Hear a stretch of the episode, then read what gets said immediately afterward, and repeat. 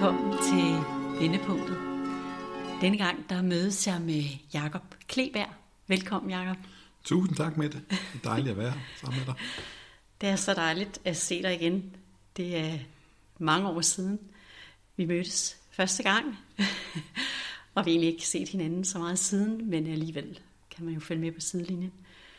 Og øhm, sådan, til andre, så er du sådan kan mærke uddannet og en MBP i fransk og NLP, og så er du nu åndedrætsterapeut og, og meget engageret i Inka-traditionen, så det er virkelig sådan for mig sådan, wow, øh, fra det til det, og det var det allerede dengang, jeg mødte dig første gang, mm. hvor jeg, jeg tror jeg lige kort at fortælle, fordi at, øh, ja, jeg vil godt give dig den her kado, at øh, dengang var jeg ny med mit, og havde brug for at komme ud i verden med det. Jeg tænkte, nogen må høre det her, jeg har gjort, og, og man havde en, der kunne coache mig, og så, så blev det dig, øh, jeg blev ledt til, og det er jeg rigtig taknemmelig for. Øh, for dels er du sådan god til det der management-agtige, altså sætte en struktur på, og, og man må tilstå her i dag, når jeg kigger på den roadmap, som du kaldte det, du lavede dengang, at, at i min verden er jeg kommet i mål med det, der var så stort for mig øh, dengang. Øh, men det jeg især husker dig for, altså, øh, du er åndedrætsterapeut, så det var også en del af det, at øh, jeg blev lagt på gulvet og skulle trække vejret, og det havde jeg simpelthen også prøvet lidt før, men det jeg kan huske, dig sådan, det bevægede mig så meget, og det var så vigtigt for mig på det tidspunkt, at jeg kan huske, du tog min hånd, og øh, bare var der. Altså bare det, at du var der med, med dig, med, med den kærlige energi, og den der virkelige ønske om at hjælpe et andet menneske. Mm. Og det gjorde noget ved mig. Jeg tror, det var allermest brug for, selvom det andet jo også har haft sit virke. Øh, og så er jeg jo fascineret af din det her inka-tradition, du er involveret i, som jo du er også praktisk spil, som stadig er mystik for mig. Mm. Så når vi inviteret har jeg jo aldrig rigtig hørt din historie som sådan. Øh, andet end jeg har undret mig, hvordan kan en mand, der kan mærke og arbejde i store danske virksomheder, og sådan pludselig ligge på gulvet og trække vejret og lave inka-ritualer og sådan. Ikke? Hvad, hvad er det, der rører sig i dig? Øh, der må være nogle vendepunkter i dit liv, eller hvordan er du kommet dertil? Mm. Og så er jeg sådan, jeg giver over til dig. Og... Oha. du må hellere lige stoppe mig en gang imellem. Altså, nu, nu, altså, men jeg, jeg vil prøve lige at sige, at øh, jeg ved, det var cirka syv år siden, vi mødtes. Det var i 2016, til vidt jeg husker. Ja. Og øh, øh, selvom der allerede på daværende tidspunkt var sket meget i mit liv i forhold til min oprindelige virke som øh, forretningsmand osv., så, så, videre, så øh, må jeg sige, at de sidste syv år har der sådan været endnu mere fart på, eller, eller hvad kan man sige, det er måske ikke engang fart, men egentlig bare sådan øh, en form for, at jeg føler mig endnu mere hel, end jeg gjorde dengang, altså hvor jeg ligesom, og jeg synes, at det jeg er blevet bedre, endnu bedre i stand til, det er ligesom at forbinde det der helt almindelige jordiske liv øh, med, med at, at også at være i stand til at, og kan man sige, og, og øh, ja, ligesom på en eller anden måde øh, have den forbindelse til de åndelige, hvis man kan sige det på den måde. Det lyder meget sådan ukonkret, og det er det bestemt ikke. øh, øh, og det jeg vil sige med det, det er, at siden vi mødtes, der har jeg sådan set fået et sprog, og jeg tror, det er det, der har hjulpet mig til ligesom at forbinde de to verdener endnu mere for mig, og det er simpelthen astrologien. Mm. Og så tænker man, astrologi, astrologi, og det er sådan noget med ugeblad og sådan noget, og det er det bare overhovedet ikke. Fordi, øh, øh, hvad kan man sige, astrologien det er sådan et universelt sprog, et universelt energisprog, og det er det med energi, jeg har arbejdet meget med, hvor vi alle sammen er født med en, på engelsk lyder det bedre, det hedder det en blueprint. Jeg tror nok, det er en arbejdstegning. Vi har alle sammen noget med os, når vi bliver født. Det er vores blueprint. Det vil sige, ligesom vi har et fingeraftryk, som er helt øh, er unikt, så har vi også et blueprint, eller en arbejdstegning, eller et horoskop, som er, hvor, er det, vi er kommet hertil. Mm. Og det er, jeg, jeg altid har troet på, også da, siden jeg var helt lille, det var, som der er nogen, der siger sådan lidt overflade, der er mere mellem himmel og jord, men, men det, det tror jeg ikke på, men det ved jeg, at det er sådan. Fordi det har jeg fået så mange eksempler på, at det er sådan. Mm. Og så har jeg så også, siden vi mødte sidst, dykket lidt mere ned i det, der hedder kvantefysikken, øh, som er ligesom Einstein og Bohr, vores danske Niels Bohr, og så Einstein arbejder med det. Og grundlæggende set, hvis jeg skal prøve at...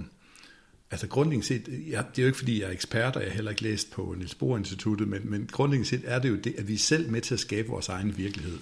Mm. Og alt det, der sker, det er... Øhm, øh, øh der er en af mine lærere, der har sagt noget, men det er ikke, hvordan vi har det, det er, hvordan vi tager det. Mm. Så hvis vi er i stand til ligesom at, at tage livet, som det kommer, med en bevidsthed om, at der er en mening bag det hele, mm. og ligesom acceptere, at når vi har nogle lidt sværere perioder, så er, der, så, er der, så er der altid noget, vi kan gøre ved det, med at ændre vores fokus.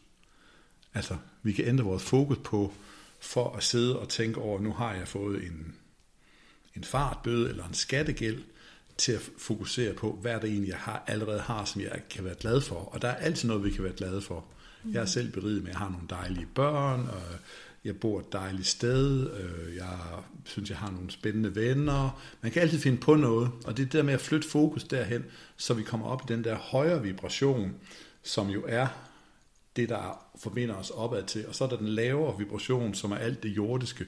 Mm. Og, og det, det største skift, der nok er sket, siden vi så sidst, det er, at jeg Øh, du siger, jeg holdt dig i hånden. Jeg kan slet ikke huske, jeg kan typisk ikke huske sessionerne, fordi det er jo, men, men, men, det, det, det gør, men, men det var en, altså, og, og jeg, jeg praktiserer stadig som åndresterapeut, øh, og det der meget er med det, det er jo sådan en form for shamanistisk måde at gå med ned i mørket, og det er jo det, jeg altid har kunne mærke, og så være med til at forløse det. Øh, og være med dernede og komme op igen. Og det jeg nok øver mig i nu, det er ligesom at blive oppe, og så se, så jeg ikke selv bliver så påvirket af det, kan man sige, men så stadig kan, kan hjælpe. Øh, det lyder måske lidt ukonkret. Det kan være, du har et yderligere spørgsmål. Men det kort fortalt, det der er sket siden sidst, det er, at jeg har været så, øh, jeg har været så heldig at være på, på sådan, været med til at arrangere, og også selv været på den uddannelse, som Lars Muhl kalder Divine Deacon. Blandt andet betydet nogle rejser til Israel, og det var dernede, hvor Jeshua, som han kalder ham, Jesus jo boede og talte det sprog, der hedder aramæisk, og det er, en, det er en historie for sig selv.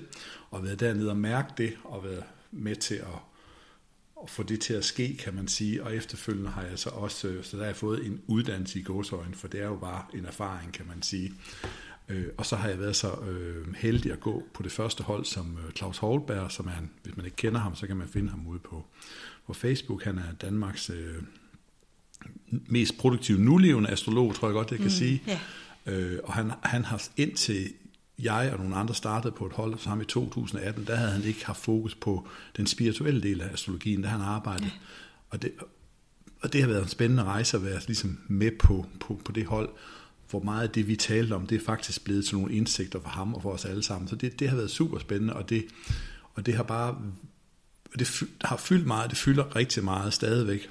Og som jeg sagde til dig øh, før, øh, før øh, optaget kom i gang, så, så mener jeg helt alvorligt, og det er sikkert nogen, der ligger ryst af på hovedet, men helt alvorligt, at hvis man kunne bruge astrologien som sådan en, en, en personlighedstest, i stedet for at skulle svare på alle mulige spørgsmål, som jeg også har været en del af tidligere, så er det faktisk der, hvor man kan se allermest om, hvem vi i virkeligheden er inderst inde.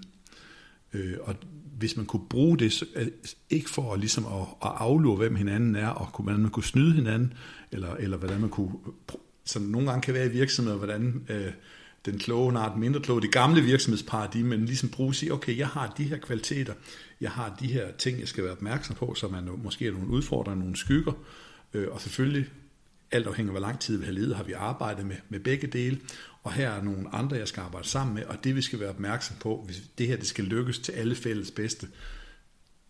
Ligesom den tankegang, det synes jeg var rigtig spændende, at, at lave simpelthen en, en, en uddannelse, en skole, hvor man som virksomhedsleder, eller som øh, personaleansvarlig, eller øh, læge på et sygehus, der skal få nogen til at arbejde sammen, eller hvad det nu kan være, kunne bruge det. Fordi det er faktisk, øh, altså jeg, jeg har været så heldig, at de klienter, jeg har haft øh, indtil nu, det er alle sammen nogen, der har været forretningsmand i folk i mange år, og ligesom måske grundlæggende til er skeptiske, men jeg kan bare se øh, advokater og øh, folk, der ligesom, at man tænker, det er sådan noget, tror de ikke på, de kan jo bare se, at det passer på dem. Og, og hvor man kan sige, hvis man lige sådan slutter den af, åndedrætsterapien, det er meget, øh, det er meget, øh, man arbejder med energi, og det er helt stille. det er, det er, man arbejder med det ubevidste, uden ord, og øh, astrologien, hvis vi kalder det det, blueprint, kan så være med til at sætte nogle ord og bevidstgøre nogle ting. Og så hvis, man er, hvis der er sådan nogle ting, der stadigvæk binder en, der gør, at man har nogle ubevidste, uhensigtsmæssige mønstre, så kan man faktisk så kan man så gå over og arbejde med åndedrættet for eksempel, eller nogle andre metoder, der ligesom kan forløse nogle af de ting. Og det jeg så også er blevet overbevist om, og som jeg ved, det er, at det er jo ikke kun det, vi har oplevet det her liv. Det er jo ikke kun en dysfunktionel barndom. Det er simpelthen også noget, vi er kommet med, både af kvaliteter og af udfordringer. Og det er jo vigtigt, at vi bruger alle vores kvaliteter, og vi har mod til at øhm, erkende, at vi også har nogle ting, der ikke er så hensigtsmæssige, og så ture arbejde med dem, og på dermed få dem, få dem frisat, så vi kan, vi kan være dem, vi er, altså hele os. Hmm. Det, giver, det giver rigtig god mening, altså at der er både den her mere kropslige, fysiske del af det, som åndedrætsterapien giver adgang til, og det ubevidste eller underbevidste i kroppen, ikke? at det er et redskab, og så er astrologien et andet redskab. Men jeg er sådan lidt nysgerrig, fordi at, øh, jeg har i hvert fald oplevet, at når jeg læser de her stjernetegn, så kan jeg genkende mig selv i de fleste. Og så tænker jeg, øhm, har du også gjort dig sådan nogle erfaringer, at, øh, at, at, at man kan, jeg ved ikke, om man kan sige, at man kan ligesom være i alle tegn, altså at, at vi kan indtage alle positioner, og så ved jeg godt, at jeg bevæger mig ud af noget, jeg slet ikke ved om, fordi samtidig forstår også godt det, du siger, at vi fødes på et bestemt punkt i livet, hvor planeter og alt muligt øh, står i et bestemt... Altså, og det, ved, det, det tror jeg også på er indflydelse. Så jeg er sikker på, at der er noget der, der har indflydelse, som koder os til at, at være noget særligt. Men jeg oplever så bare, at i løbet af livet, så har det ligesom ændret sig. Jeg kan ikke længere sige, at jeg er det eller det eller det. Det forandrer sig hele tiden for mig.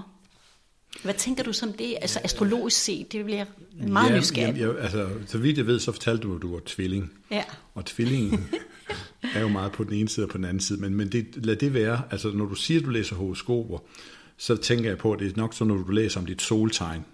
Det, du er tvilling, din sol står i tvillingen det er ikke sådan, eller, eller er det nogle horoskoper, du får lavet, hvor du har fået indsigt i dine andre planeter også, bare for at forstå det jo, først? Jo, jeg har faktisk også fået lavet et, et horoskop en gang. Ikke? Men, det, men det min erfaring er, at jeg fik lavet mit første horoskop, før der var computer, for jeg har egentlig altid været interesseret i det.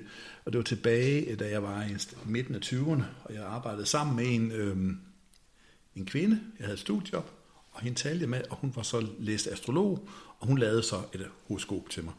Og så kom hun tilbage med håndskrevne sider, hun har siddet og regnet det hele ud. Det har taget rigtig, rigtig lang tid omkring alt i mig. Og det var så overvældende, at det kunne jeg ikke rigtig forholde mig til. Og det man også kan, i dag kan man gøre det her på en computer, man kan plotte dig ind, og så kan der komme 20 sider ud om dig, på den ene side og på den anden side. Og det for mig, det fungerer ikke. Så, så, så det, der fungerer for mig, det er, at vi er på et givet tidspunkt i vores liv, hvor vi typisk har nogle øh, Altså man kommer jo kun til sådan en som mig, hvis man, hvis man, er, hvis man gerne vil noget nyt, eller føler, at, at det, man har gjort indtil nu, det ikke fungerer, eller man er ude af balance. Det er jo der, hvor man ligesom siger, nu må jeg gøre noget nyt. Og det, der, derfor så, den måde jeg laver det på, jeg kalder det en livssamtale, og så er det baseret på ens blueprint. Så har man tre til fem essentielle spørgsmål. Det er rigeligt til at fylde to timer ud.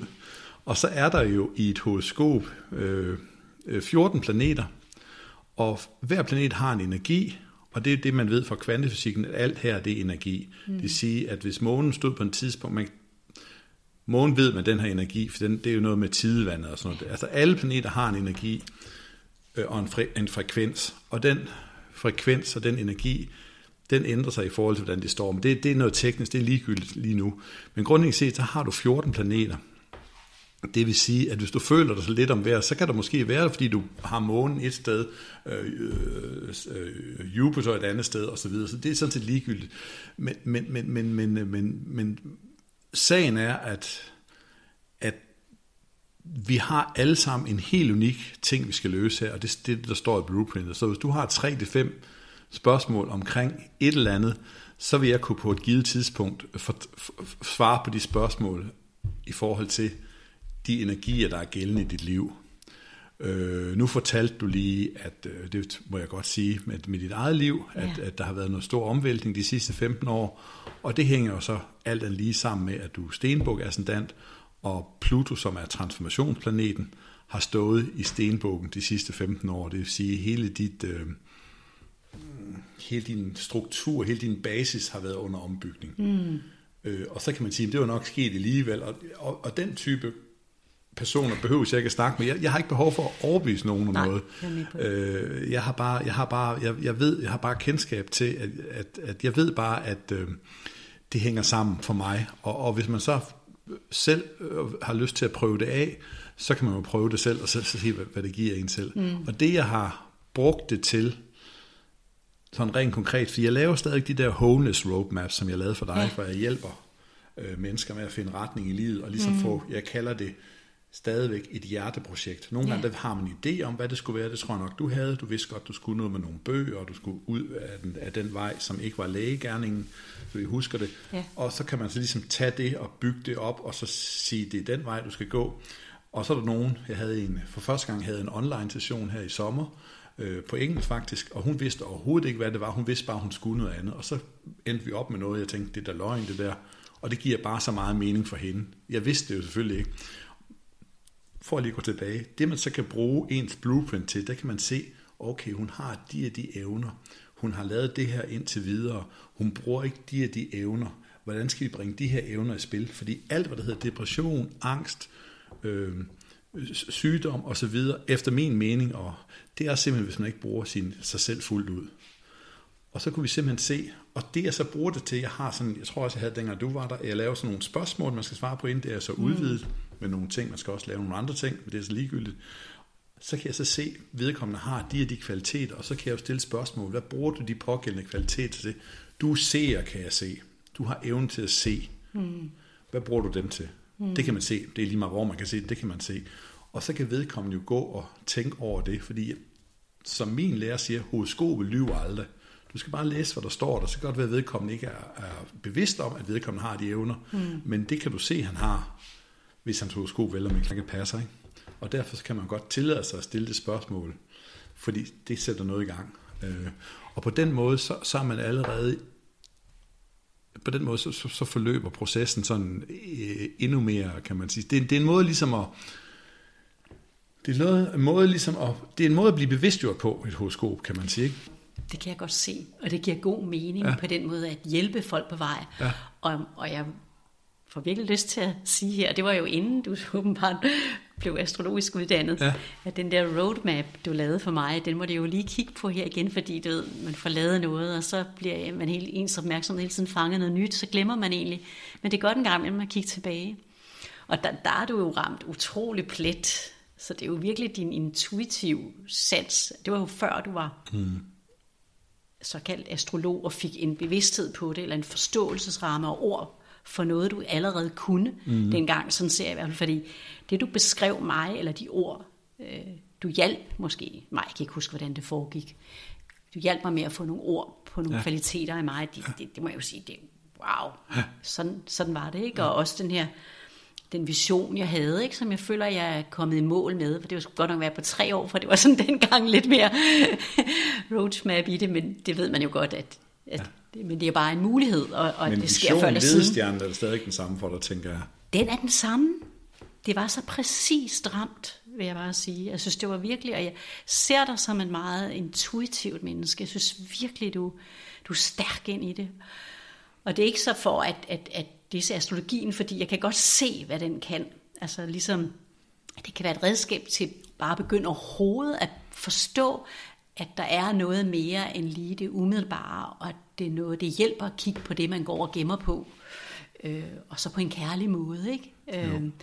men, men inden da, du lærte det der redskab, og der kunne du det i hvert fald allerede i forhold til mig. Jamen altså, det, det gør jeg også meget ud at fortælle, for der er jo ikke ja. alle, der er mange, der ligesom siger, det er useriøst. Og der, derfor så står der faktisk heller ikke på min hjemmeside, som jeg lige har fået lavet, øh, øh, der står ikke noget om, man skal lave noget, det horoskop der. Man kan vælge en livssamtale, det er så et horoskop. Ja. Men en roadmap, det kan jeg lave, ligesom jeg gjorde øh, sammen med dig, fordi at for nogen kan det godt være en showstopper at sige, hvorfor skal jeg nu det, og det tror jeg ikke på alligevel. Og som du siger, intuitionen ja. er lige så god, og samtalen, de spørgsmål, man stiller, og den forberedelse og de, de ting, man nu gør, man skal trække vejret, som du gjorde, eller man skal ud og gå en tur, eller whatever. Det er sådan mm. lidt, hvad dagen den ligesom mm. viser, kan man sige. Der er ikke nogen, der har været ens. Nej. Men det vigtigste for mig, det er, at man ligesom forbinder øh, krop, sind og ånd, kan man sige. Mm. Fordi jeg har selv lavet de der roadmaps. Det er jo ikke noget, jeg har fundet på. Det er jo en amerikansk model øh, fra Johnson Johnson-tiden, hvor jeg startede i 2002. Øh, så det vil sige, fem, næsten 15 år før jeg begyndte at lave som Holden Rap, havde jeg lavet roadmaps for noget forretning. Og det kunne jeg se, det kunne manifestere, fordi når folk vidste, hvor de skulle hen, yeah. og det var så kun forretning, det var ikke det hele, så det var ikke noget med, man skulle tage sig af sig selv eller noget, det var bare nogle ren basic forretningsmål, og det er egentlig den model, jeg stadig bruger, der kan jeg bare se, det virker. Øh, øh, og derfor så kan man jo selvfølgelig også stadigvæk øh, lave, øh, lave den her uden noget som helst, øh, øh, med stjerner og sol og måne og sådan noget, fordi det er jo bare en proces, som, som jeg efterhånden er blevet ekspert i, fordi jeg har, jeg har, når jeg tænker over det, jeg har nærmest lavet det over 20 år på forskellige ja. lederkanter, ikke? Jeg bliver også glad, når du siger det egentlig, fordi det binder også tingene sammen, at det, altså det der som nogen, altså jeg ved ikke, jeg måske også selv en overgang kunne have haft projektioner på det der, at det bliver for skemalagt eller for styret, eller, men det kan noget, det der, at lave en, en roadmap og få tingene set. Ja. Så det hele kan jo noget, ligesom også det her med, med, med astrologien, hvis man nu begynder at bruge det på en kærlig måde, til at få folk til at spille sammen, i stedet for altså, udnytte dem, men få dem til at spille sammen øh, på, ja. på den bedste måde, så der kommer det bedste ud af, af alle parter. Ikke? Ja, ja, at, det, ja. at, det, at, det, at det udfolder sig mere, det her øh, ja. redskab. Ja, ja nu... Øh, ja. Men altså, det er jo, altså, det er jo meget simpelt, altså, den måde, det, det, det, det bekendtskab med det, det var, at jeg rejste rundt, øh, og det er ikke for at tale for meget om min fortid, men jeg rejste rundt i 27 lande med Johnson Johnson, som, som havde købt en dansk virksomhed af Koleplads, hvor jeg skulle rundt og, og overbevise de forskellige statsselskaber, om de skulle investere penge lige nøjagtigt i det, som jeg var ansvarlig for, det var noget, der hed Compete. Øh, og så kom jeg jo ind, og der var, jeg tror, der var 1500 ansat i deres Paris-kontor, det var en højhus, man kommer ind, og så hænger der den der kæmpe store roadmap inde i receptionen for hele de 1500 mennesker. Ikke? Ja. Øh, og så lavede vi det så også selv for mit lille forretningsområde, og så det der er, det er jo det, man giver energi. Det vil sige, hvis man bare regner frem, man kommer ind på arbejde, der ser man om morgenen, så går man til frokost, så ser man igen, så går man tilbage, så ser man, og så går man hjem om aftenen. Så man ser simpelthen, hvorfor man er på den pågældende arbejdsplads fire gange om dagen. Og det er jo så klart, det er så det, man gør energi til, fordi man kan se, at vi skal nå det og det, og det, hvis, hvis, altså, så det er ligesom en måde ligesom at samle energierne øh, uden ord, for man går bare forbi, når man, man, men den hænger der bare, den er kæmpestor og hænger i reception, ikke? eller hænger, det ikke gør det mere. Øh, og det, det er jo bare det, at, at hvis man så det, som har lidt øh, evne til at kunne spille med mange bolde, som jeg har, øh, øh, så skal man også nogle gange huske, at der hver gang man, man er ude at rejse, eller hver gang man sætter noget nyt i gang, så skal man måske, hvis hver gang man bruger en, en dag på at sætte noget nyt i gang, skal man måske bruge to dage på at følge op på det nye, man har sat i gang, så det bliver sådan noget. Ja. Altså, så, så det går fra at være en, en idé om, at man gerne vil lancere et nyt produkt, eller lave en koncert, eller få nogle workshops ud, eller nogle bøger, og så, og så skal man også, det lærte jeg faktisk hos min, min øh, da jeg var et sted, der hed Koleplads, der sagde min til, at jeg elskede at rejse, så kom jeg hjem, og jeg lavede Så Nu skal du bare huske, hver gang du var ude at rejse en dag, så kræver du to dages opfølgning. Fordi jeg kan jo ikke lave det hele selv jo. Jeg skulle have de folk med, altså vi har aftalt noget, så skulle jeg sørge for, at det skete. Det var ikke mig selv, der skulle få til at ske, men det skulle ligesom formidles videre, og der skulle, hvis jeg havde lovet dem et eller andet, jeg, jeg skulle sende dem eller gøre, så skulle jeg selvfølgelig sørge for, at det skete. Og så kunne man ikke bare rejse, rejse, rejse. Man var nødt til ligesom at komme tilbage til virkeligheden sådan meget det er Saturn i et horoskop. altså, få tingene gjort, og så komme ud igen og sætte i gang. Det er så, det er så, det er så typisk, øh, det er så typisk Mars, ikke, som jeg også har meget af. Så det, det er jo bare at finde den balance. Ikke?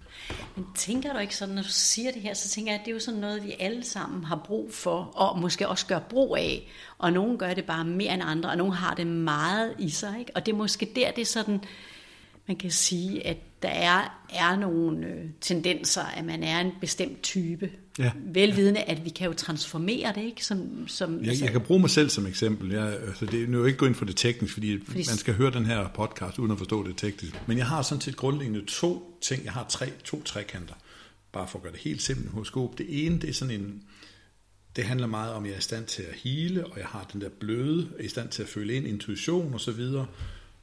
Og den, den, den ligger helt separat, og så er der en trekant, der møder den, og det er så den der øh, meget Mars og handle, handle, handle, handle, handle. Ikke? Øh, så mit liv har jo egentlig handlet om at få de to til at mødes, sådan at jeg ikke bare var det ene eller det andet, men jeg kunne være både den ene og den anden på én gang. Ja. Og det er der, jeg føler, at jeg er kommet hen. Det er også derfor, min, min, øh, og det, min hjemmeside hedder wholeness.dk, fordi det med helhed, det har bare altid, og det, det er som om det først inden for de sidste par år er faldet helt på plads ind i mig, kan man sige. Øh, så jeg ligesom kan, kan være de to på én gang, og at man ikke sådan, at til nogen fortæller man den historie omkring noget business, og til nogle andre, der fortæller man den om noget healing. Så har man nogle en spirituelle venner, fordi alle, jeg har faktisk fundet ud af, at alle mine venner, alle er jo spirituelle. Ja. Man, kan, altså, man behøver sikkert, man behøver sikkert at, tjente for at være spirituel. Så, så derfor så, hvis folk de spørger mig, hvad jeg laver, så i gamle dage kunne jeg måske sige, at jeg, jeg, jeg laver business development. Så kunne jeg sige, jeg laver åndedrætsterapi. Og så får man en helt anden snak med en påkendende person, som måske er forretningsmand stadigvæk, Ja. om nogle eksistentielle ting. Og det er det, der har fundet, det er utrolig vigtigt for mig, det jeg kalder eksistentielle samtaler. Altså man ligesom har nogle samtaler, hvor der er noget dybt i, og det er alle. Altså, og der er jo, altså, der er jo brug for bevidste mennesker på alle funktioner i samfundet. Det er jo ikke alle, der skal være mindfulness-instruktører, eller healer, eller, eller hvad det nu er. Der er også nogen, der skal, der skal stå nede i brusen og, og, og, og være kassedame og, og gøre rent. Og, og, og, det, og det måske, nogen, måske kan vi alle sammen det på et eller andet tidspunkt. Jeg siger bare, at for mig er det... Og være bevidste og ja, det, det gælder mig at være bevidst og kærlig og nærværende i alt, Uanset hvilken funktion man har. Uden hvilken funktion man har, ikke? Ja. Øh, og så hvis man er sådan øh, et sted, hvor man måske ikke har lyst til at, hvis man nu for eksempel er tjener, dem har jeg oplevet en del af nogle af, man føler ikke, de har lyst til at være tjener, og de er sagt sådan lidt vrede på kunderne, men så er det jo det forkerte sted, de er jo. Så skulle de måske komme et andet sted hen, ikke? Øh, og jeg har også mødt nogle andre læger, der, men de har så alle sammen valgt, dem jeg kender i hvert fald, at træde ud af systemet, fordi at, øh, de, kunne ikke, de fandt ud af, at de kunne ikke kæmpe mod det system, de var i, og de, det harmonerede ikke med deres personlige værdier. Selvom de har brugt øh, 8 år på, eller 7 år, hvor lang tid det tager på at blive læge, så kunne de ikke, simpelthen ikke være i systemet. Og så er de så, en anden læge, jeg kender, har så fundet en anden måde at være det på, øh, sådan mere helhedsorienteret, ikke? ligesom du har gjort på din måde, kan man sige. Ikke? Ja. Og det er utrolig vigtigt, fordi hvis, hvis man bliver i sådan et system, og ikke kan være sig selv, Ja. det er jo der, man bliver syg, Ja, på den ene eller anden led, ikke? Fordi man har fået at vide, at man bliver ved sin læst, og nu har du læst, i- altså jeg har også læst mange år, ja. altså, og ja, så, så, så, så, så det er jo egentlig, Det er så meningsfuldt, Ja, ja, ja, det du siger. ja. Og, når, og når du siger det sådan, så prøver jeg sådan at få det, fordi jeg er så meget optaget af, hvad er, mig, hvad er, hvad er jeg selv? Men der er jo både den her personlighedsdel i det, og så er der sådan det, det der dybere selv, som vi jo Ja. alle sammen er forbundet af, den der ja. dybe kærlighed. Men det hele hænger jo sammen, så det er jo også vigtigt, at der, som du beskriver så fint, at du har behov, altså du har mærket det der behov for, at det skal hænge sammen, ligesom arbejdslivet og familielivet skal hænge sammen. Det er bare et andet eksempel, Ja, men ja, det andet er bare Ja. sådan en dybere ting. Ikke? Ja, ja. Men tror du ikke, det er sådan, vi alle sammen søger det her at få tingene, de her sider, som måske er mest fremtrædende hos, hos os, som vi er mest tydelige med, eller, u- eller som vi ikke selv kan se. Dem vi selv kan se, og dem vores omgivelser kan se. Ja, ja, Øhm, ja. At det er dem, vi egentlig længes efter at få bragt sammen på det personlige plan. Ikke? jo, At der er et eller andet der, at, at, at en længsel efter det. Ja. At føle sig helt... Men, men, men min egen erfaring, det er jo, at øh, der er noget i mig, selvom jeg har vidst, at jeg skulle noget andet, så har jeg udskudt det. Okay. Øh, og det tror jeg, det er meget menneskeligt. I hvert fald, det er i hvert fald det, den måde, jeg har. Altså, jeg skulle erfare, jeg skulle have nogle nederlag, jeg skulle have nogle... Øh, fordi at, øh, ikke fordi vi nødvendigvis skal have nederlag, men, men den måde, det fungerer på, øh, det er, at hvis der er nogen, bare for at bruge det expect, altså der, jeg tror, alle godt kan fornemme på en eller anden måde, at, der, at, at verden er ligesom ved at ændre sig markant. Mm. Og det kan man så også læse i horoskopet. Og det er blandt andet noget med den planet, der hedder Pluto, som har stået i stenbukken i, i den tid, hvor din transformation og min egen også har startet for alvor for cirka 15 år siden. Ja. 2008. Det var helt meget præcis for mig i hvert fald. Øhm, og den skifter så tegn her. Og det, den kommer til at stå, bare for at, se, bare at sætte det i perspektiv, på samme måde, og det gør den kun, det har den ikke gjort siden den gjorde det sidst, på samme måde, da den, øh, øh, da den franske revolution foregik i 1787, og den amerikanske frihedskamp, friheds, øh, friheds, at det var amerikanerne blev fri fra England og alt det der. Ja. Så det vil sige, at det er en, altså det er en helt ny, altså det er den nye, øh, hvad hedder det, ham der Gutenberg, altså den nye øh, reformation på, på, på, på, på den måde, altså det, det, er, det, det, er et, altså det bruger man meget i, i, i hvert fald i gamle dage, det er et paradigmeskift, det er en helt ny måde at se verden på. Den kommer til, og selvfølgelig sker det jo ikke sådan overnight, men det er næste 20 år, at der, altså alt det med klima, alt det der allerede er op, det kommer til, og vi kommer til at se verden på en helt ny måde, med nogle helt andre øjne. Øh, og, og, og derfor så tror jeg, det er, øh, og, og derfor vi har alle sammen en rolle at spille i det, og den rolle, den kan man jo så se for eksempel i sit blueprint. Og, og, og, og, og, det, kan, og, og, og det der faktisk er, det er noget, jeg har lært, jeg er begyndt at gå sådan et, et, et nyt sted, øh, som er, der hedder Brønsecenter. Man kan ikke finde noget om det nogen steder, for de har ikke nogen øh, social, social media og alt noget, men det er et sted, der har eksisteret i over 50 år i Danmark. Og, og det jeg var så glad for, da jeg fik at vide, jeg har lige været dernede her i sommer på en uge, sådan en uge, sådan lidt højskoleophold, det er den vigtigste alder for sjælen, det er fra 50 til 80. Og så er det jo dejligt at være 57 og tænke, så er jeg jo lige begyndt. Fordi ellers kan man jo godt sådan i det traditionelle arbejdsliv sige, at når man er 60, så er man ligesom færdig, og så resten af tiden, det er ude på golfbanen og Ja. passe sine børnebørn. Ikke? Og sådan har jeg det jo slet ikke selv. Nej, nemlig. Så det, er jo, det synes jeg er fedt, og det giver en rigtig god mening for mig. Og alt det der med, hvad er sjæl og sådan noget, jeg ved ikke, om det er noget, vi skal tale om, men, men, men jeg har, det har jeg tænkt rigtig meget over. På mig er det blevet meget konkret nu, Ja. øh, øh, på en anden måde, øh, at vi har vores måde at være på i verden. Der er nogen, der kalder det ego, og det skal vi jo have. Og på den måde, vi kan agere på, og den vores erfaringer, vi kan være, vi kan være handlekraft eller det modsatte, vi har nogle ting, der har lykkes tidligere, det skal vi ikke smide af os. Det skal bare være vores sjæl, der styrer det hele. Mm. Så vi bruger vores i gåsøjne, ego til at udføre sjælens ønsker, kan man sige. Mm. Så man kan jo sagtens være... Jeg var sådan en, der rejste rundt og satte alt muligt i gang, og det gør jeg sådan set stadigvæk, øh, både for mig selv og andre, kan man sige. Mm. Det er bare nogle andre ting, jeg sætter i gang, mm. som giver mere mening for mig. Ja. Og ikke kun sætter i gang, men forfølger også, at det, det bliver til noget, og så videre, og så videre. Ikke? Øh, Så man kan jo sagtens bruge den samme energi, bare øh, med et andet indsatsområde, hvis man kan sige på den måde. Ikke?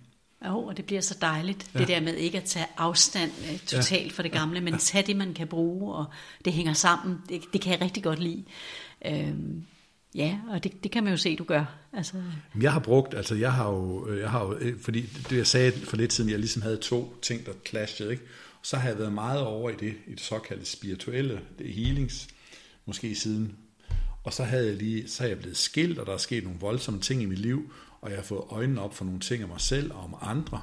Mm. Og øhm, det, der er så fascinerende ved det, det er jo, fordi der er selvfølgelig nogle ting, jeg skulle lære om mig selv, for at jeg ligesom kunne ture og være mig selv. Altså, uanset hvem jeg talte sammen med, så kunne jeg være mig selv, kan man sige. Ja. Og det betyder jo ikke, at, at, at fordi det er der også nogen, der tror, at så er du sådan, så er du totalt i send hele tiden, og du, du må bare være lykkelig hele tiden og glad, og du tænker, at du, du altså, men det er jo bare, det jeg mener med, det er, når, hvis, når sjælen, og det føler jeg ved at være der, at hvis sjælen bare bestemmer 55 procent, så er der ligesom en, så, så er man på den rigtige side, kan man sige, ikke? Og, og fordi det er ikke det der med, at man bare kan sige, nu skal jeg bare være fuldstændig øh, sådan sjælstyret og kun, altså det tror jeg ikke på. Jeg tror, det er en rejse, jeg tror, det kommer til at være resten af livet. Ikke? Jo. Men jeg føler ligesom nu, at jeg har fået nogle indsigter omkring nogle, nogle uhensigtsige mønstre i, i mit, i mit blub, i, i, og det står i min måne, alt det her. Ja. Og det passer perfekt, men det behøver vi ikke komme ind på nu. Og, og det havde jeg egentlig troet, at det var jeg, fordi jeg, da jeg læste om det, jamen sådan har jeg været, ikke? men så fandt jeg ud af, at det var jeg jo stadigvæk. Eller der var stadig et, et, et lag til, der skulle renses. Ikke? Øh, og, Sådan er det jo. Og, og, og, og derfor så, så det gælder det bare om ikke at, at, at, at, at hverken, øh, øh, især ikke at, hvad hedder det, fordømme sig selv og dermed andre, eller Ja, fordømme lige andre og dermed sig selv. ja, begge dele. Men, men, men, være, men være, øh, være, og det jeg også vil sige med det, så har jeg jo så tænkt på, øh, jeg har heldigvis, jeg er så heldig, jeg har rigtig mange kontakter helt tilbage fra da jeg læste og gik gymnasiet, og dem har jeg stadig kontakt med, jeg har en stor omgangskreds, og der er mange af dem, der, som har helt almindelige jobs og sådan noget, og jeg kan jo bare se, at de bevæger på deres måde, er jo hmm. er jo også øh, meget bevidst om nogle ting. De har gået øh, enten det ene eller andet sted. Ligesom jeg har, det har så været min vej, og så er der nogen, der har en anden vej, og man, vi lærer på forskellige måder. Der er ikke, der er ikke én vej, kan man sige. Fuldstændig, og jeg bliver egentlig så glad, når du siger det, fordi det fjerner også lidt det der øh, mystik og fornem i det ordet spiritualitet, ikke? men ja. vi har vores, hver vores bevidsthedsudviklingsvej, og man kan se det på forskellige måder, ja. at det er os alle, det er menneskeheden, som du beskriver astrologisk, ikke? der er på vej, det er skift, og ja. det sker også. Altså, så det giver ikke mening, at vi kan inkludere. Nej, nej. Det er meget. Og jeg tænker, når du bruger de her ord, altså det er jo ligegyldigt, hvilket ord, altså hvis jeg skulle, altså nogen vil sige, at man sjæl og ego, og man kunne begynde på alt det her ord, øh, kløveri, hvad jeg har været meget, meget inde i, for det har været min rejse til at forstå øh, min verden, eller den virkelighed, jeg har skabt. Øh, men igen, så ser jeg, når du siger det, i hvert fald lige når du siger det her med, at der er igen noget, der vil samles. Ikke? Der er noget med, noget, noget med sjælen og, og, og det fysiske, personligheden, ja, egoet, ja, hvad man nu vil kalde det, ikke? Som, som gerne vil finde ud af det på en, på en ny måde. Ikke? Ja, ja, det kan man godt sige. Ja. Det er ligesom om, der er behov for det. Ja, ja. helt sikkert. Altså jeg tror grundlæggende set, det der er allervigtigst, at vi alle sammen bliver endnu mere bevidste om, det er, at, øh, at vi lever ikke kun én gang. Hvis man kan sige det på den måde. Det kan man faktisk godt. Det vil sige, at vores sjæl er udødelig. Det vil sige, den, den, den højere bevidsthed, som, den, den, den, den, den, tager vi, den, den, den går et andet sted hen, og så kommer det måske ned igen i en krop. Øh, og det vil sige, hvis vi ikke tror, at vi skal simpelthen øh, nyde, nyde, nyde, jeg elsker at rejse, det gør jeg stadigvæk, jeg elsker at se mm. smukke steder, det er ikke det, jeg siger. Jeg siger bare, at hvis det kun er det, der går ud på, nu skal vi se, hvor, mange, øh, hvor meget nydelse og, og fede ting, hvis jeg kan sidde det der dollargrin hele tiden, og der ikke er nogen bombs på vejen, altså hvis det er den mentalitet, og, og øh, hvis jeg har en, øh, altså det kan man jo se jo, altså hvis man tænker på nogle af verdens rigeste mennesker, ikke, så er det jo måske Putin for eksempel, ikke? han har penge i Schweiz og alle mulige steder, ikke? og så alligevel skal han starte en krig i Ukraine, fordi så skal han også sørge for, eller, eller nogle af de der mange milliardærer, så har de et fly, så skal de have to fly, så skal de have tre fly. Mm. Altså, du ved, at når vi finder ud af, jeg siger ikke, at, at der ikke er noget lækkert i at have noget materiel, og jeg har mm. selv en bil uden tag. Den er godt nok gammel, men det har altid været en drøm, og den har jeg nu. Jeg elsker det, selvom ja, jeg kun kører 10 på literen. øh, øh, og jeg har kørt i den til både til Mallorca og og alt muligt, og du ved, og så måske har jeg ikke den, men en, øh, måske får jeg en anden bil på et tidspunkt, men lige nu har jeg den. Så jeg siger ikke, at vi skal, vi skal fornægte alt det, jeg siger bare, det, jeg tror, det er vigtigt, at vi forstår, og det er det, jeg siger med de 55 procent, at, at det ikke, det er ikke, at vi lever flere gange, så derfor, at jo mere vi kan bruge, vi kommer herned for en årsag, jo mere vi kan bruge det, vi har i os, til at være med til at, at, at, at, at gøre noget godt, både for os selv og fællesskabet, fordi vi har jo fundet ud af, må man sige, efter internet og alt det der, at vi er jo, hver gang der, der er nogen, der, der, der, hver gang der er et sneskred over, eller en, en, et, et, et, der sker et eller andet voldsomt i Nepal, eller langt væk, så hører vi det, som om det er nærmest for lige rundt om hjørnet. Ikke? Så vi ved jo, at, at hvis vi laver klimaændringer, hvis vi, hvis vi fører fossile brændstoffer, ja, det har vi jo gjort, og alt det der bla bla bla, så har det en effekt også i Danmark på et eller andet tidspunkt. Mm. Det kan godt være, det starter over i Nepal, eller nede i Afrika, eller nede i Amazonjunglen, øh, men, men hvis vi ikke som kollektiv, altså hele verden. Mm. Og der har vi jo så et ekstra ansvar i Danmark blandt andet, for ligesom at lave noget om, fordi vi har jo den, øh, den luksus, at vi har vores på det tørre, øh, og derfor det med bevidsthed, det kræver, altså der er noget, der hedder Maslows pyramide, ikke? Og det øverste lag, det er noget med, at man kan arbejde med, med, med, med, med at realisere sig selv, tror jeg det hedder i hans pyramide. Det kan man jo selvfølgelig ikke gøre, hvis man sidder nede i et afrikansk land og ikke har mad. Derfor når vi bor i Danmark, eller i, i Schweiz, eller i Norge, eller Sverige, eller andre rige vestlige lande, så har vi et ekstra ansvar for ligesom at gå foran. Og det er en anden ting, jeg tror meget på, det er det, der hedder øh, sommerfugleffekten. Det er en matematisk model, det hedder også Lorentz-attraktoren. Det er en model, der viser, at hvis du laver en lille ændring et sted, så kan det lave en kæmpe ændring et andet sted. Mm. Det vil sige, når vi så nogle gange som danskere kommer til at sige, at det hjælper ikke noget i Danmark, at vi gør sådan og sådan, fordi tænk på amerikanerne og, mm. og alle de andre inderne, der ikke gør noget. Men det passer ikke. Mm. Hvis, altså man kan bare bruge et, et lille eksempel, det er måske, hvis der ikke var en eller anden idealist over i Vestjylland i 70'erne og begyndte at lave vindmøller, så er der måske kommet et vindmølleeventyr, og nu laver tyskerne, Siemens laver vindmøller, amerikanerne laver vindmøller, kineserne laver vindmøller, øh, og vindmøller, det spreder sig. Altså, mm. hvis der ikke var en, der sagt, det kan man godt over i Vestjylland, så står jeg mener, at det tror jeg, det, der har vi en rigtig vigtig rolle mm. i Danmark i at gå foran på den front der. Mm. Og selvom det ikke batter noget med 6 millioner indbyggere, mm. så kan det stadig være en sommerfugl effekt. Mm. Det, det er det, jeg tror rigtig meget på. Uanset hvor lille ændring vi laver i vores eget liv til det bedre, øh, uanset om det er bare, at vi laver hvor det er affaldssortering, jeg er ligeglad, eller cykler på arbejde i stedet for at, mm. at tage bil, eller noget helt tredje, bare en lille bitte ændring i vores liv mm. kan lave en kæmpe effekt på et eller andet tidspunkt længere ude i systemet. Det, det, det, det, og det tror jeg, hvis vi har det for øje, så, så, så er der ingen grund til at give op. Nej. Hvad kan jeg gøre? Ja. Jeg kan gøre, finde på noget. Hvad kan jeg gøre anderledes, der kan være godt for miljøet? Mm. Ja. Eller ikke nødvendigvis miljøet, men for være mere kærlig, ringe til mm. sine venner, ringe til sine børn, øh, husk være lidt mere taknemmelig, eller noget helt fjerde. Ja. Oh, jeg synes, det er så godt, det her, du får frem, og du får sagt, for jeg synes virkelig også, det er så vigtigt, fordi det giver jo en mod til at fortsætte, altså at blive mindet om, at det er sådan, det 50 er. 50 80 er den vigtigste alder, det er det nye. Men det, det, det er virkelig, virkelig godt.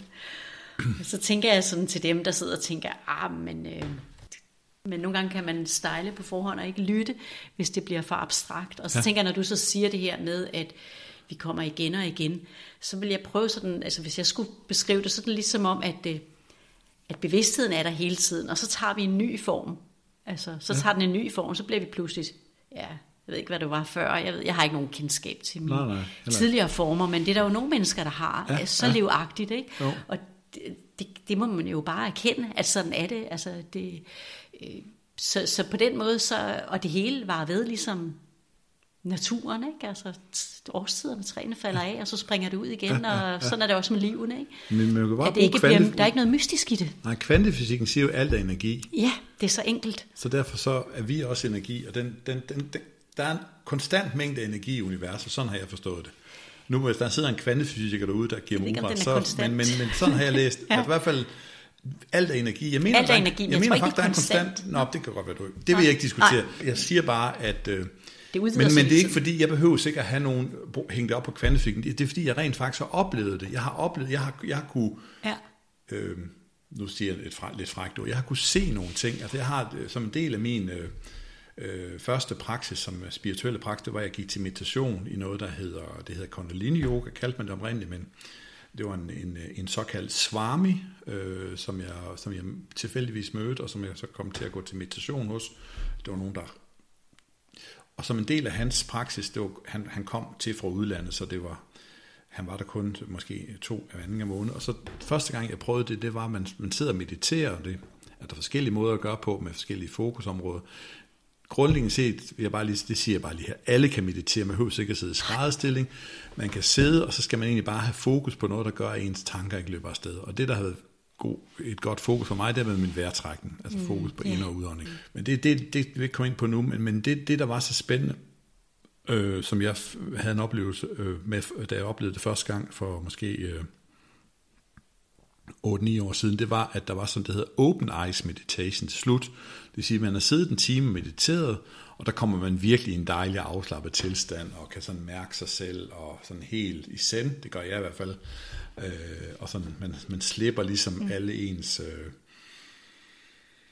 ja, tunge energi, jeg bruger, altså man, man kommer bare, det gør, altså hvis man sidder i en gruppe, så den der gruppeenergi gør bare, at, at, at det går hurtigere, hvis man sidder alene. Så det, det gjorde jeg en gang om ugen i et godt stykke tid, og så kom han så ned en gang imellem, og så sad han for enden, og så holdt man en lille pause, gik måske på toilettet, og så, hvis man havde lyst, kunne man så blive, og så sad han, og så sad han for enden, ligesom du sidder over for mig, og jeg sad her, der sidder en gruppe her, og så kiggede han bare ned på dig, og så skulle du sidde med åbne øjne, og så kigge du.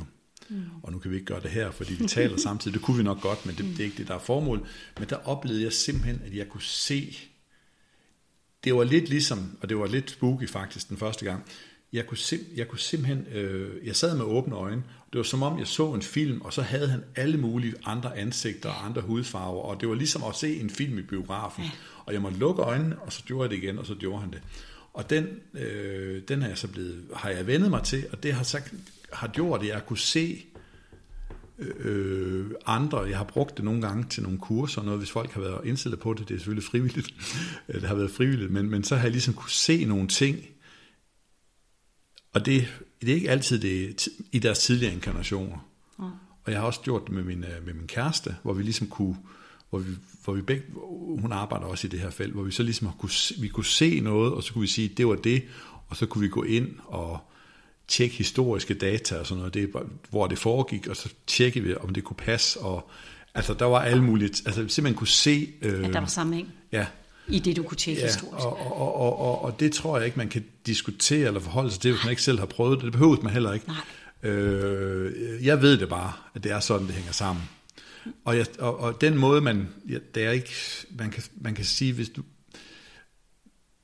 det er ligegyldigt, at man har kendt hinanden i en tidlig liv, men jeg tror, vi kommer herned som, som sjælsfamilier, og så møder vi hinanden, ligesom vi to har mødt hinanden. Mm. Og så har man så måske en periode, og så er man lidt væk igen, men, men på en eller anden måde, så, så er man født til at skulle møde hinanden igen.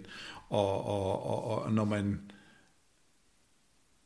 har den fornemmelse af, at man har været et sted tidligere, så er det nok, fordi man har været det sted tidligere. Man føler sig hjemme der, man har det godt, det er dejligt. Eller man møder en person, og det behøver ikke at være en kæreste, være en person, man taler skide godt med. Jeg har selv flere relationer, som jeg ikke har været kæreste med, så jeg taler rigtig mm. godt med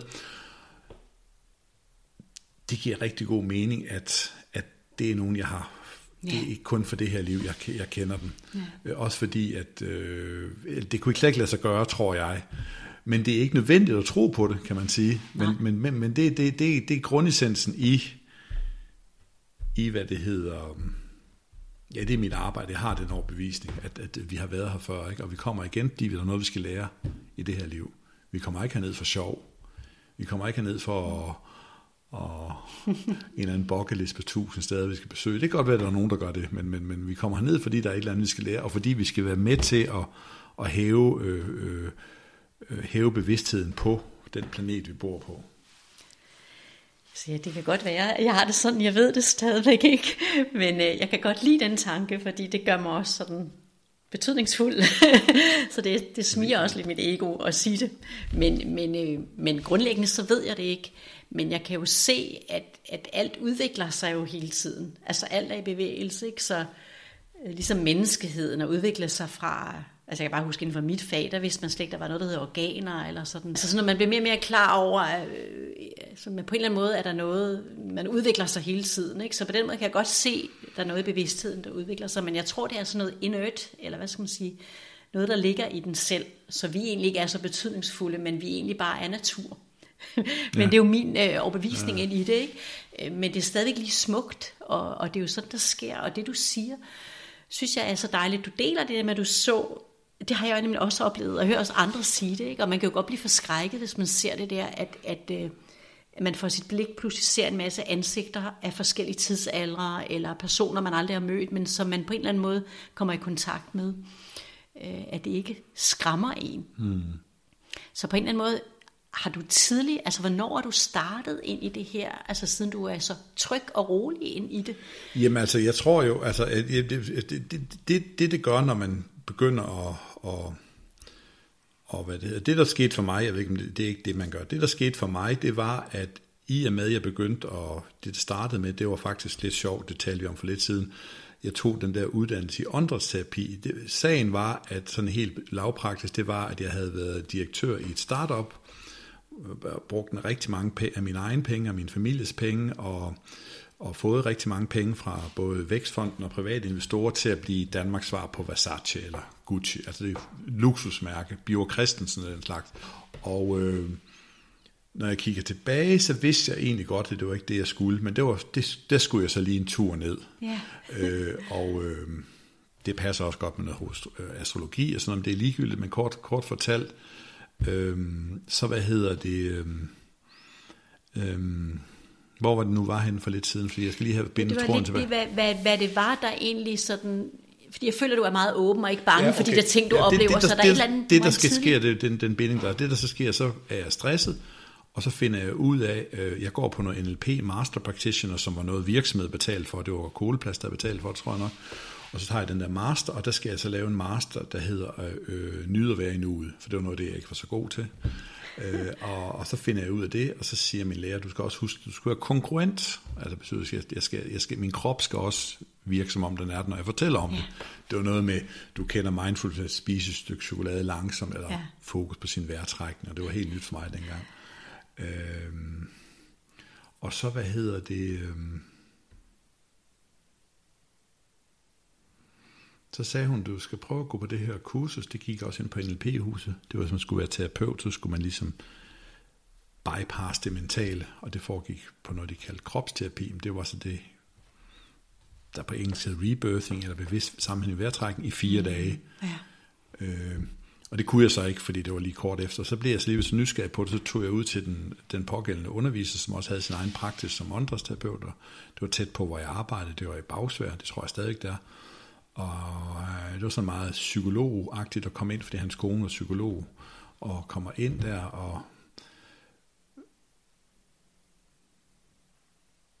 den første oplevelse, jeg havde øh, med det, det var simpelthen, at jeg kom i forbindelse med noget. Øh, på daværende tidspunkt troede måske, det var noget, han gjorde, men det var sådan set min egen indre essens, min egen indre kærlighed. Det var lyst, og det var mm. kærligt, og det, mm. det var bare så fedt og helt afslappet, efter jeg havde været mm. helt op at køre.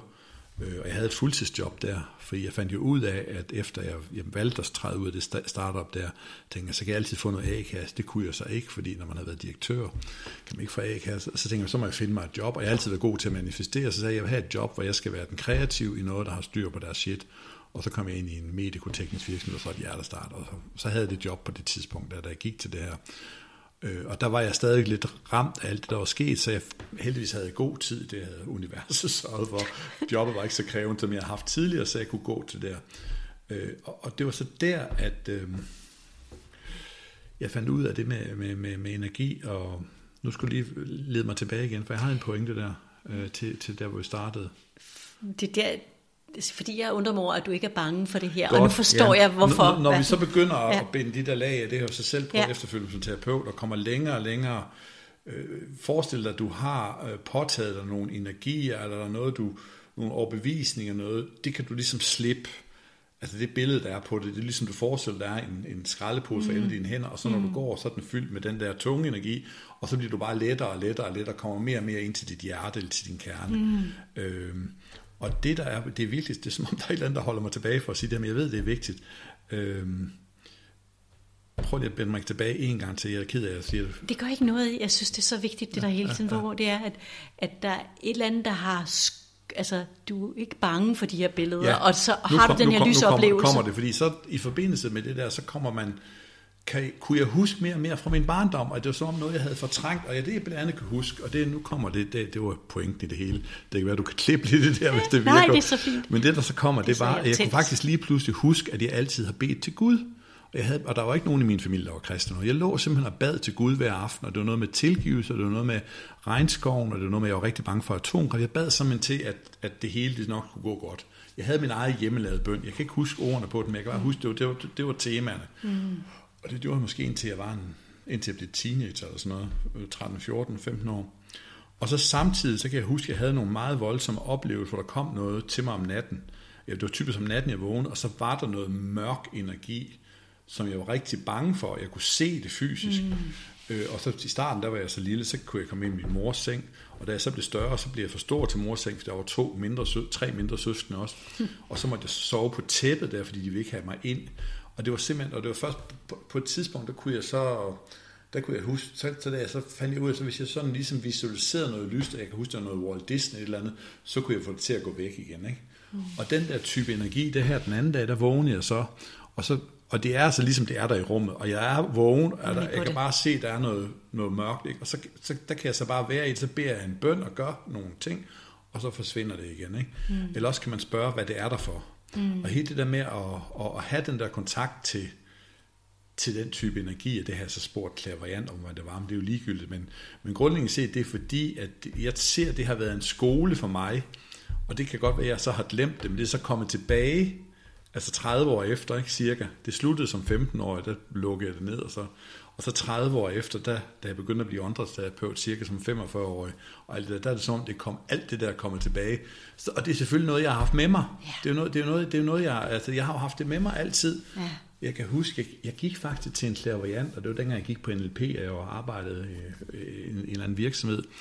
Og der var en, der sagde, at du skal være spirituel mentor. Det kunne hun læse i min hånd. Det var en håndlæsning. Jeg tænkte, det er da løgn. Det, var, altså, det viste sig så at være sandt på, på, på sin vis, kan Ja, man sige. Ikke? på sin egen måde, ja. Øh, og det kunne jeg sikkert, det kunne jeg også have set i mit horoskop, hvis jeg kunne have forstået det dengang. Ikke? Ja.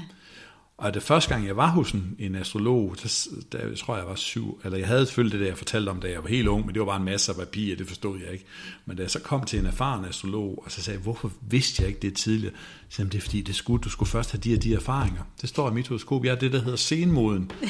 og det vil sige, jeg skal have en masse erfaring. Jeg skal, jeg, skal, jeg, skal, jeg skal bruge min erfaring i forhold til, at, altså jeg, skal have, jeg skulle have de livserfaring for at kunne gøre det, jeg gør i dag. Og det kunne man ikke gøre før. Det hjælper ikke at slå sig selv oven i hovedet, i forhold til mit horoskop i hvert fald. Og det gælder de fleste, du. Jeg håber, de fleste hører det, for det er jo sådan, det er, ikke? Og det gør det meget smukt, faktisk. Åh, det giver så meget mening, Jacob, fordi jeg undrer mig over den der utrolig intuitive evne og sans, du har, og så det her, du ikke er, når nogen fortæller om sådan nogle oplevelser med ansigter, ikke? Jeg tænker, fordi det vil skræmme de fleste, og så vil de lukke det af, så vil de ikke opleve det, mm. ligesom du måske lukkede af i ungdommen, og hvordan vi også lukker vores unge ned, når de begynder på noget, fordi vi har glemt det og siger, det er noget mærkeligt noget. Ikke? Det er i hvert fald, sådan var det før i tiden. Det er heldigvis ved at ændre sig.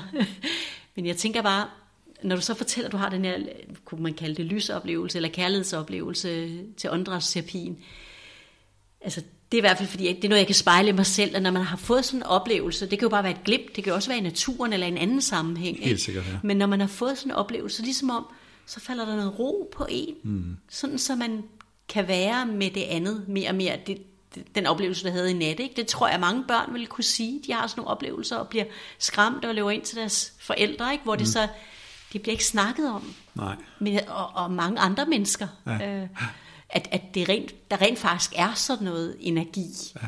så kan man sige, at det er dit eget, men det er jo alt sammen, når vi nu er et, hvad det er i min verden, så er det jo vores alles. Og hvis vi alle sammen skal have det bedre, må mm. vi jo arbejde med det, der mm. kommer til os. Ja. Og du får det, fordi du kan det. Altså, ja. du får sådan nogle Jeg havde også selv en oplevelse i nat. Det er meget sjovt, fordi ja. det er langt imellem, jeg har sådan en Ja, oplevelse. ja, ja. Men det er meget stærkt, altså meget øh, kraftfuldt. Jamen, jeg kommer også til at tænke på noget andet her. Det var fordi, at øh, nu har du lige mødt Gitte, som er ude på Ja, en tur. øh, og det er min kæreste, og så videre. Øh, og øh, jeg, er, øh, jeg er hjemme, og så sidder hun, og hun, hun er i gang med alle mulige spændende ting også.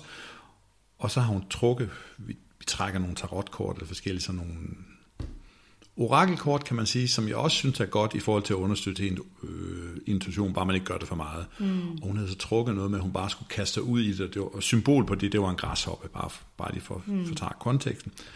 Og vi bor rigtig skønt lige ud til Horsen Fjord, så lige pludselig, og der er et billede af det på Facebook, så du selv kunne se det, så sidder der simpelthen en græshoppe på det pågældende kort. En rigtig levende græshoppe, der hoppede ind fra terrassen, ind på vores spisebord.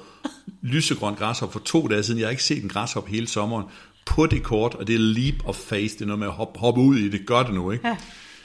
Og den, den, det er jo så hendes oplevelse, den er jo helt fantastisk, fordi det, hvordan fanden kan det lige ske? Og jeg har selv her, øh, siden vi så sidst, har jeg også lige fået nogle tatoveringer. Jeg har en her på skulderen, og en her på den anden skulder, og så har jeg de to her. Men jeg vil lige bruge den her som eksempel. Jeg har sådan en, øh, en øh, guldsmed, hedder det, det hedder en dragonfly på engelsk, det lyder mm. sådan lidt mere sejt, ikke? Og der havde jeg en oplevelse derfor, øh, mens jeg, jeg jo, altså det, der virkelig har betydet noget for mig, det er, hvordan man kan bruge den bevidste vejrtrækning til at bevidstgøre sig selv om nogle ting. Og der er så forskellige lærere. Der er en, der hedder Jakob Lund, og han underviser, og ham har jeg haft et samarbejde med. Han længere historie, jeg kommer på hans kursus, og det er typisk sammen med sådan nogle, han er sådan der arbejder meget med fængsler og sådan noget, og fået mange ud af kriminalitet. Mm. mig, det kan man læse om på noget, der hedder Prison Smart, det kan jeg anbefale. Men jeg sidder så, det er en skov op i, i Nordsjælland, Rude skov, hvor der så er en helt fyldt, og vi så skal og jeg, det er på to, for to år siden, hvor jeg virkelig var ude af balance efter en skilsmisse og alt muligt, der var sket i mit liv, og det, det, det er sådan set ligegyldigt. Og så sidder jeg der, og, vi, og det er i stillhed i fire dage. Man laver de der vandresøvelser og yogaøvelser i stillhed. Sover man på sådan, en, sådan en sovesal, mm. og så spiser man let vegetarisk mad, og så gør man lidt rent og sådan noget. Det er totalt bare send. Mm. Og så skal vi så efter tre dage, tror jeg nok, der, så får vi lov til at sige, nu må I sige tre ord, hvad jeg har fået ud af det, og jeg har allerede mit, mit, jeg har mit hurtigt kørt, jeg har de tre ord, så jeg kan bare sætte mig ud i solen, for nu har jeg de tre ord, så sætter jeg mig ud i solen, så sidder jeg så her med min højre hånd, så sætter sig, jeg sidder i solen, så sætter sig, så den her, den, er ikke, den her den er større, ikke? men den er så stor her, en, altså den passer lige på, den kan sidde på min hånd, en, øh, en guldsmed. Og så sidder den der i 10 minutter, ryster hånden, den kommer tilbage, den bliver siddende der i 10 minutter. Wow. Altså, okay, så, kan, så det er noget med transformation, Ja. ikke? Ja. Så tænk, den er nødt til at have her, fordi det er bare, nu skal du tro på det her, ikke nu? Altså, Ja. de der tegn, dem skal vi skulle ture og fulde, ikke? Og det er også derfor, jeg fik den tatoveret, for jeg er sådan lidt langsomt opfattende, ikke? Men man kan selv gå ind og google, hvad en dragonfly betyder. Ja, Øh, og jeg, jeg, jeg tror bare, at, og det er jo også energi, og du ved, hvis der er rart at være et sted, så kan dyr også godt lide at være der. Ja. Så hvis dyr ikke kan lide at være der, så er det fordi, der er nogle energier, man skal gøre noget ved. Mm. Og hvis dyr kan lide at være der, så er det fordi, der er nogle rare mennesker, eller noget, der har gjort nogle ting. Ikke? Øh, så så jeg, jeg, jeg siger bare, at øh, naturen taler også til os, og det lyder måske sådan lidt flower power, det er det måske også, men det er, hvad jeg tror på. Jeg tror simpelthen på, at der er en større sammenhæng, og, og vi skal bare være i stand til at se alle de tegn på, at der er en større ordnet intelligens, som, som hele tiden guider os. He- helt enig, og den er, øh, ja, det er ikke sådan, der er nogen, der sidder og regner den ud, men den er der bare lige så intelligent som naturen udenfor. Ja.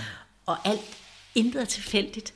Men det fortæller så meget af det her, at alting taler til os, hvis vi er vågne ind i det og har Ja. tør tro på det, men, ja. men, men man kan have hjælp af de der hjælpemidler eller redskaber, ja, ikke? så ja. længe man ikke overbruger dem, så de Ja, kommer til at styre en. Netop, ja. Nej, nej. Det skal ikke være sådan, at nu skal jeg se dit, den der, den dun, Nej, eller nej. opsøge, eller hvad er det, jeg trækker tarotkort nødvendigvis. Nej, nej. Nej, nødvendigvis det er rigtigt. Man kan jo ikke vide, hvad andre gør. Men jeg tænker bare, at det kan komme til at tage over, så det bliver en ny mental styring på en eller anden måde, ikke? eller en anden form for styring, hvor det, når du beskriver det der med Gitte og dit, så hænger det jo sammen med øjeblikkets situation. Ja. Og det er der, der er så smukt.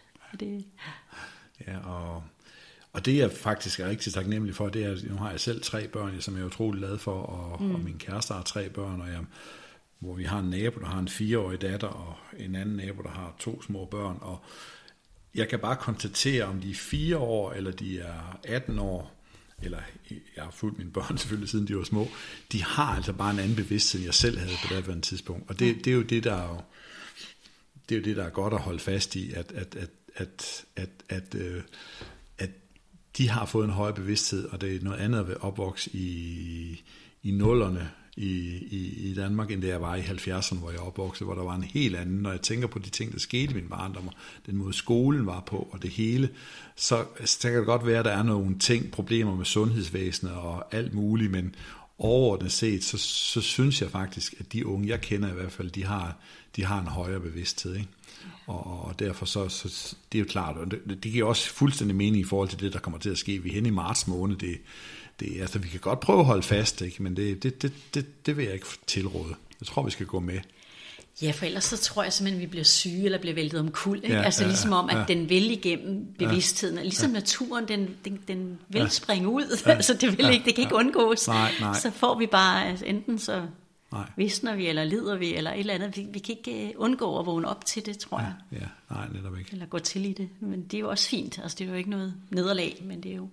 Og, og, og det, der også tror jeg er vigtigt for måske lidt ældre, altså når man bliver plus 50, så kan man godt sige lidt ældre, det er, at alder for mig, det er, øh, det er der nogen, der siger, en kloge, der har sagt, men det giver rigtig god mening. Altså det er noget med, hvis man stadig er nysgerrig og har lyst til at, som et træ, et gammelt egetræ, og sætte en ny gren, eller sætte en ny gren hver år, så er man, så er man lidt på en eller anden måde tidsløs. Selvfølgelig er der noget fysisk, der går ned ad bakke, men hvis man, hvis man har sådan en, en, en, en, en tankeprogrammering om, at nu bliver jeg pensioneret, om det er 60 eller 65, og så for dag af, der skal jeg til at nyde livet, eller hvad man nu tænker, nu skal jeg bruge min pension.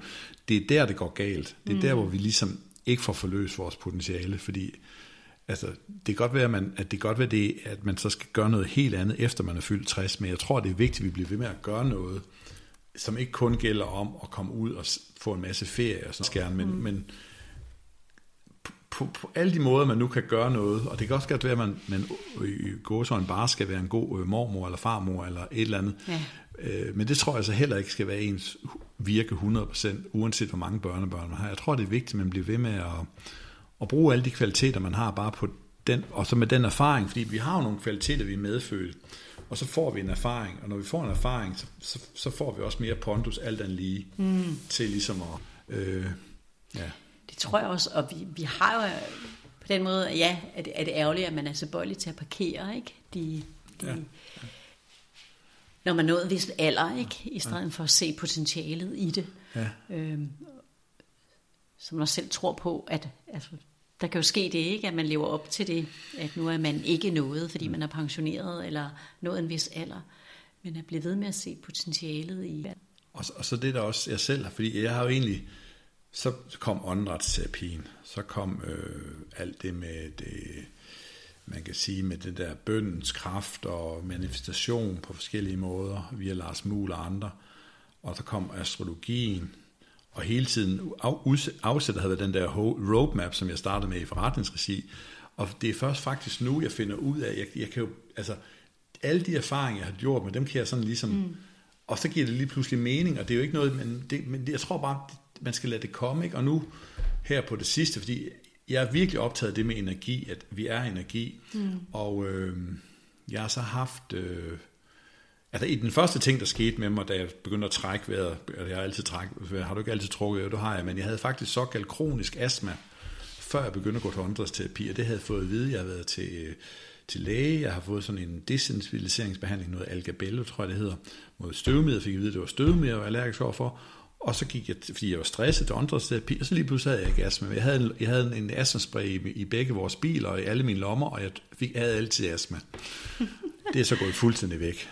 Fantastisk. Jeg har haft en klient, øh, som havde et kronisk øh, hjerteproblem. Det gik også væk. Det har han skrevet til mig, så det kan man se på min hjemmeside. Øhm, så, og nu er jeg så fundet ud af, det nye, jeg har fundet ud af, det, det, det er sådan lidt, man skal trække, man skal måske gå 12 gange og ned. Nu har jeg så mødt en kinesolog, som så tester kroppen. Jeg ved ikke, du kender noget til kinesologi. Jo, rigtig godt. Jo. Jeg kender ikke særlig meget til det, men jeg kan bare konstatere, at det fungerer. Mm. Forskellige fysiske og psykiske ubalancer, dem kan hun diagnostisere. Det ene af dem, det var noget, et, jeg vil ikke komme ind på det, for det kan blive lidt personligt, men det var noget, jeg havde påtaget mig, da jeg var to måneder gammel, inde i min mors mave. Et tungt mønster for noget af min familie. Øh, og så tænker jeg, nå, okay, men hun testede min krop før og efter, og da, efter jeg havde gjort det, hun sagde, så var min krop stærkere, og så var det, så var den, det var en ubalance i, øh, i tygtarmen, men som mm. hængte sammen med noget, jeg havde simpelthen fået pådraget mig energetisk, da jeg var to måneder foster, altså jeg var ikke engang født. Mm. Og så tænker jeg jo som astrolog, ah, men kan det nu passe? Så går jeg tilbage og kigger, jeg kan ikke huske mit eget horoskop, det lyder under, så kan jeg se, at der er en planet, der står, man kan se de første tre huse, der er 12 i alt, det er fostertilstanden. Den står så stort set der, hvor det svarer til, og det er sådan en, der betyder traume. Den står så to måneder inde i min fostertilstand i mors mave i mit eget horoskop. Wow, det så altså, når jeg finder ud af, hvordan tingene hænger sammen, ja. og hun er uddannet sygeplejerske oprindeligt, men bare den måde, man kan, altså, og det er ikke sådan noget med, at man skal trække vejret 12 gange, man er der halvanden time, og når man går væk halvanden time efter, så er der simpelthen sket en, en, en ændring, i det, også i det fysiske. Ja, så det er jeg faktisk meldt mig på, den uddannelse. Det er min næste skridt. For jeg synes, det er så spændende. ja, ja, det er spændende. Der er virkelig mange øh, ja. forskellige redskaber, man kan bruge. Man kan ja. også nogle gange få helt vildt fordi, Ja, ja, men det er bare det, jeg, jeg, jeg, gør det, der taler til mig, og det der, det kan jeg det bare sige, det er enkelt og simpelt. Ja. Og bruge virker det til. Og, øh, ja, det ja, er det. Det, det er meget enkelt og simpelt. Ja, ja, ja. Jeg tænker også netop, man skal bare følge det, man har lyst til. Det, så enkelt er det, ikke? Og ja. så viser det vej, og der, ja og vi ikke er klar over, hvordan vi kommer til at bruge det på sigt, som du nej, også beskriver. Nej, nej, nej. Det giver så mening.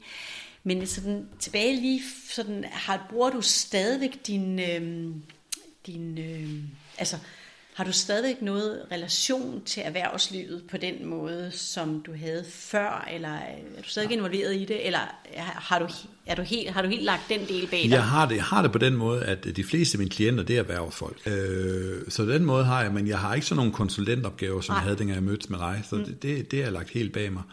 Øh, øh, jeg har, min Wholeness Roadmap har jeg lavet en enkelt gang for en virksomhed, og det er faktisk et produkt, kan man sige, jeg har lagt op på min hjemmeside, hvor man ligesom kan bruge det. Du lavede det for dig selv, jeg lavede det for andre. Ja.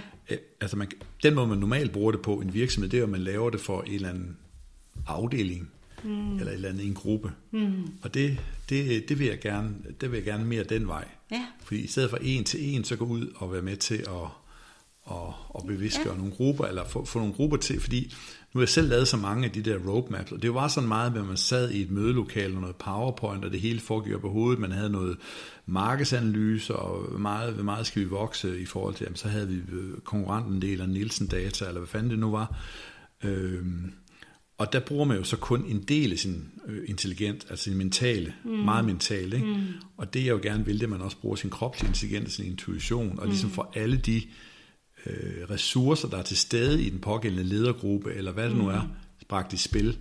Og det er så der, hvor ude i naturen, træk vejret på bestemte måder, øh, kig måske på nogle, hvis de er til det på deres blueprint og så videre, og så, videre. Mm, yeah. så det, det er ligesom der, hvor jeg ser, der kan være en, øh, hvor, hvor der fortsætter. Altså, jeg har jo holdt grupper, men det har så været, ikke været en virksomhed, det har været forskellige, der har meldt sig ind, ikke? Men, men det der med ligesom at, at få det ud i en virksomhed, og bruge det der.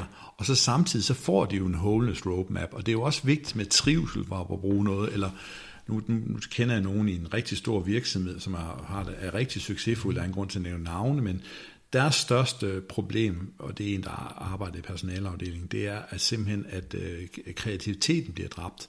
Og det gør den, når det bliver for meget performance. Mm. Så hvis det er en virksomhed, der er drevet oprindeligt af kreativitet og nye opfindelser, nye ting, og så der kommer alt for mange mentale supermennesker ind, altså fra der er top performer fra øh, business school, sidste pist og sådan noget, så, så, så, det, så skal man huske at have den balance, ikke? og derfor skal mm. man også give plads til det kreative. Mm.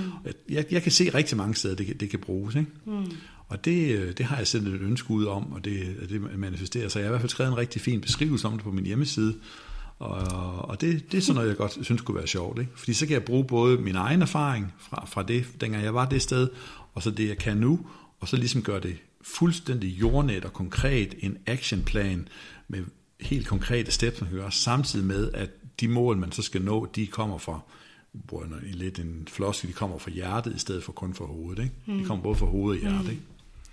Øh, det, det tror jeg, det, det, det, det, det, det tror jeg, der kommer mere af i 2024 for mig.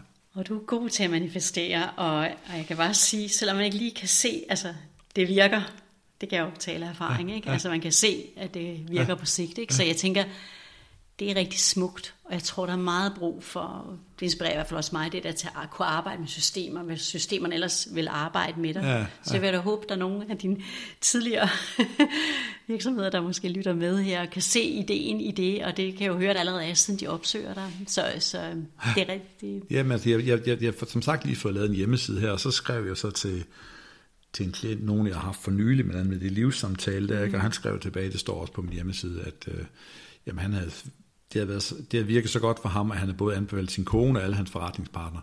Hans kone kan så ikke lige få data ud, men du ved godt, så kan det godt være, at de forretningspartnere tænker, det er en god idé, men det er måske ikke godt for dem nu. Nej. Og derfor så mit gamle jeg vil tænke, kan jeg ikke lige få numrene på dem, så kan jeg ringe til dem, og så kan jeg lige uh, få det booket. Ja. Det kommer, når det kommer. Og så sker det, der sker, sker, når det sker, kan man sige. Ikke? Fordi at øh, der er ikke, altså vi, vi, vi, vi har alle sammen, altså på et tidspunkt, der er vi måske klar til også, at den anden, der skal hjælpe dem, kan man sige. Fuldstændig. Ja. Det er virkelig ydmyghed og respekt ja. for det, der er større end os, at det er ja. ikke os, der skal tvinge det igennem. Ja. Ja. ja. Men måske er det her, vi skulle slutte? Ja, det har været skønt at være her. Jeg, sad, jeg, jeg, tror, jeg fik sagt det der med, at det var ligesom der, hvor hele min uh, spirituelle rejse for alvor begyndte heroppe i Nykøbing Sjælland på, på Andebakken. Det var så lidt længere nede i byen. Ja. Så jeg synes, det er det der, det er fantastisk. Uh, også fordi, at... Uh, det passer med min, min hjemmeside kom ud her, den, og den har jeg heller ikke pusset, den kom bare ud den 22. Mm. her i den her måned. Ja. Øh, klokken 09.15, og det har jeg selvfølgelig lavet sko på, og det passer perfekt med det, jeg gerne vil lave, uden jeg har gjort noget for at, til at blive lige der. Øh, og, og en af de ting, øh, som er på den hjemmeside, øh, det er et punkt, der hedder eksistentielle samtaler, øh, hvor jeg gerne vil lave sådan nogle, og, og hvor jeg gerne vil sidde der, hvor du sidder, og det kan være, at du sidder der, hvor jeg sidder, og så er det næste gang, så vender vi den om. Ja. Fordi det er nogle personer, som har, øh, dem jeg gerne vil tale med, er nogen, der har været vigtige for mig, kan man sige, i det, alt det, der er sket. Mm. Og så i forhold til det med helhed, som er ligesom temaet i alt det, jeg mm. beskæftiger mig med nu og virker med. Så tusind tak, fordi øh, at øh, det lige lykkes i dag, og det er jo fuldmåne i dag mm. i, øh, i vægten, og vægten, det er jo så også noget med helhed. Når man er, når man er balance som vægt, så er det bare så er det bare et rigtig godt sted at være. Ikke? Så ved man, hvad der er rigtigt og hvad der er forkert, og man er fuldstændig... Øh, ja, skal, skal. Så tak, tak med og tak for mad. tak, Jacob. og det hele og kaffe. Det var dejligt, du kom, og det er ja. dejligt. Så jeg ved. Ja. Tak.